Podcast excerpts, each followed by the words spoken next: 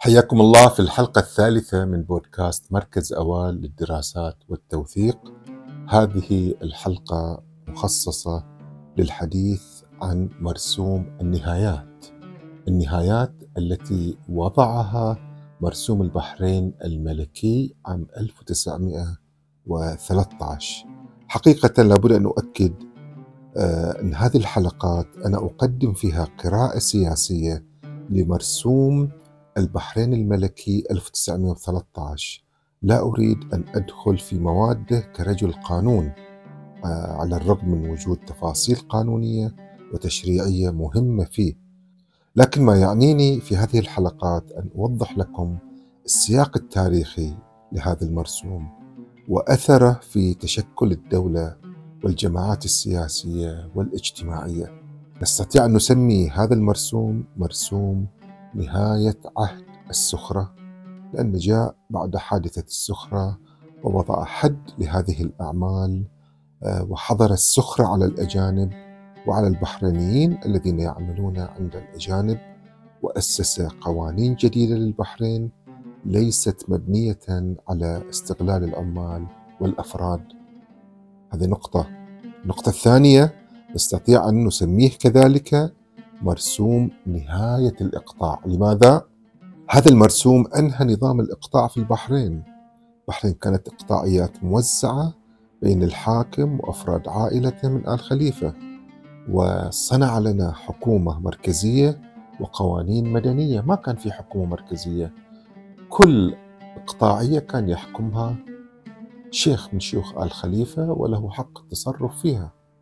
كذلك نستطيع أن نسمي هذا المرسوم مرسوم نهاية حكم القبيلة. انتهت مجالس القبيلة لم تعد تحكم فهناك مجالس مدنية وقانون مدني وشكل حديث لتقاضي الأفراد واتخاذ القرارات في الدولة. سيطيح هذا المرسوم برمز الحكم القبلي عيسى بن علي في عام 1923 طبعا أنا لا أقصد أن ذلك حدث مباشرة.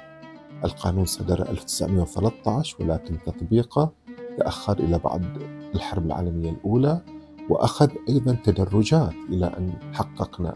ولكن كل هذه التغيرات كانت موجودة أساسا وكامنة في هذا المرسوم وأصبحت حقيقة واقعية مع تطور الأحداث. لذلك نستطيع أن نسمي هذا المرسوم آه، كما سمينا نهاية حكم القبيلة أيضا نستطيع أن نسميه نهاية حكم عيسى بن علي لأن صلاحيات عيسى بن علي المبنية على التحكم المطلق والاستبداد قد انتهت مع صدور هذا القانون كذلك نستطيع أن نسميه نهاية اللا حكم لماذا؟ البريطانيون كانوا يستخدمون هذا المصطلح لوصف حكم عيسى بن علي بهدف تبرير عزله. فلم تكن هناك حكومة مركزية قوية تحكم بل كانت البحرين مجموعة من الإقطاعيات وكل شيخ من شيوخ آل خليفة كان يحكم لوحده. فلا حكم مركزي لا توجد دولة ولا سلطة تحترم الناس وتدافع عنهم وتقر القانون اللي ينطبق عليهم كلهم. لذلك هذه فترة إلا حكم. يعني ليست هناك دولة حاكمة هناك أفراد يحكمون بحسب أمزجتهم. فجاء هذا المرسوم لينهي هذه الفترة وهذه الفوضى وليضع حكما مركزيا يتمتع بصفات الرشد والعدالة أو لنقل الحد الأدنى من العدالة. كذلك نستطيع أن نسميه نهاية الهجرات هذا المرسوم.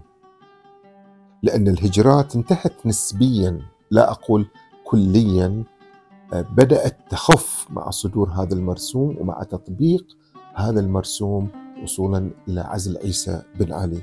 لأن الهجرات فعلا مع هذا المرسوم انتهت منح هذا المرسوم الأمان للناس. وأعيد وأؤكد المرسوم ليس لحظة صدوره ولكن لحظة تطبيقه. لأنه ألغى الحكم الإقطاعي حين كان الشيخ يتحكم في إقطاعيته وفي الناس ويسلب أموالهم وينتهك حقوقهم وينتهك كذلك أعراضهم. كثير من الهجرات تمت صونا للعرض. كانوا يهاجرون ويفرون خوفا من ذلك. هذا المرسوم أوقف ذلك كله أو لنقل آه، أوقف جل ذلك. أو لنقل أنه كان خطوة نحو ذلك.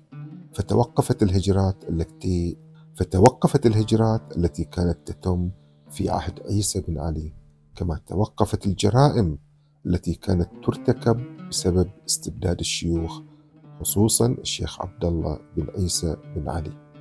وهناك تقرير مفصل عن الجرائم التي ارتكبت في هذه الفترة خصوصا من قبل عبد الله بن عيسى آه، وهذا التقرير كتبه المعتمد السياسي بالبحرين الميجر ديلي.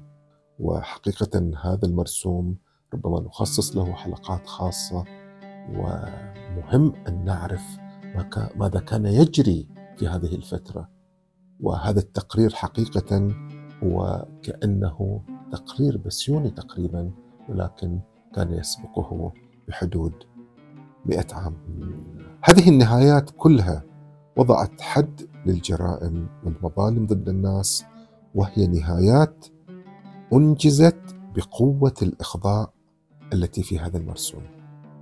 فعندما قلنا أن المرسوم يبدأ بجملة الإخضاع فأنا أعني الخضوع إلى هذه النهايات التي لم تكن تتم لو لم يتم إخضاع إرادة القبيلة.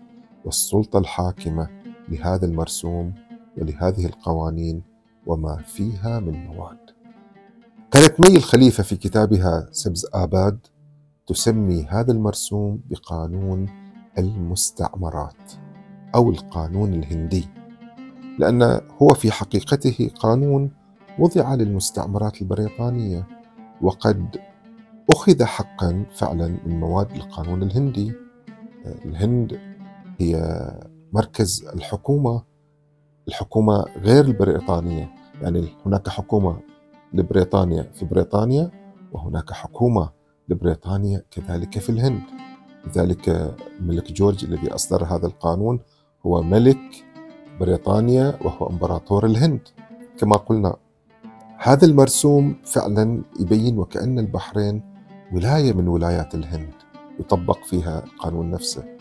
لكن مي كانت تركز على هذا البعد لكي تقلل من قيمة هذا المرسوم الذي قلص صلاحيات عائلتها وحد من استبداد حكامها وشيوخها. تتحول بريطانيا في خطاب مي الخليفة إلى مستعمر تعتبرها مستعمر وتصفها أنها استعمار. متى؟ حين تقوم بريطانيا بإمساك يد الحاكم تغل يد الحاكم تمنع يد الحاكم حين يكون الموضوع صراع من أجل إقرار قانون مدني يوسع من هامش العدالة ويحد من استبداد الحاكم القبلي.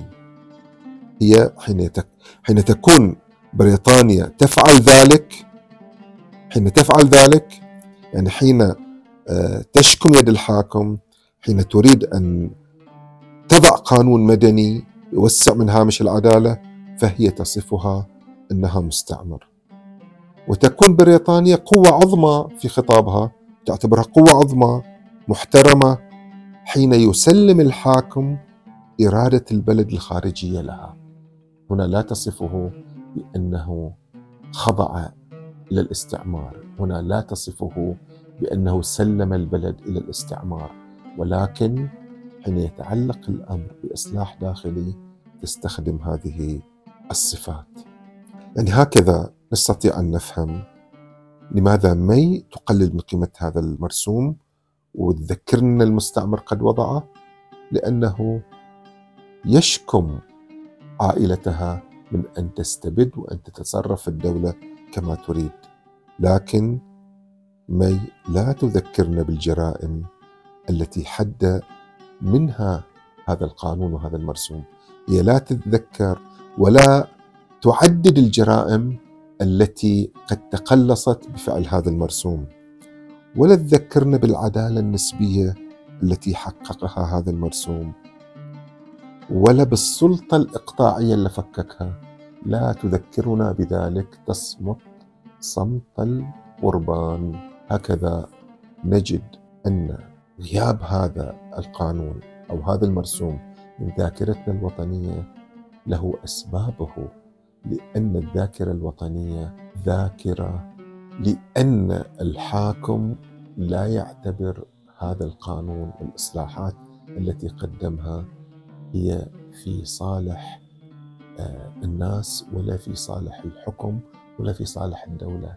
يعتبر أن هذه الإصلاحات هي ضد سلطته لذلك هو لا يريد أن يحتفل بشيء يقلل من سلطته ويجعلك تتذكره ويجعلك تفهمه في سياقه التاريخي. في الحلقة القادمة الحلقة الرابعة سأحدثكم لماذا تأخر تنفيذ هذا المرسوم؟ ما هي الملابسات السياسية والتاريخية في ذلك الوقت التي جعلت من المرسوم يتأخر إلى ما بعد الحرب العالمية الأولى.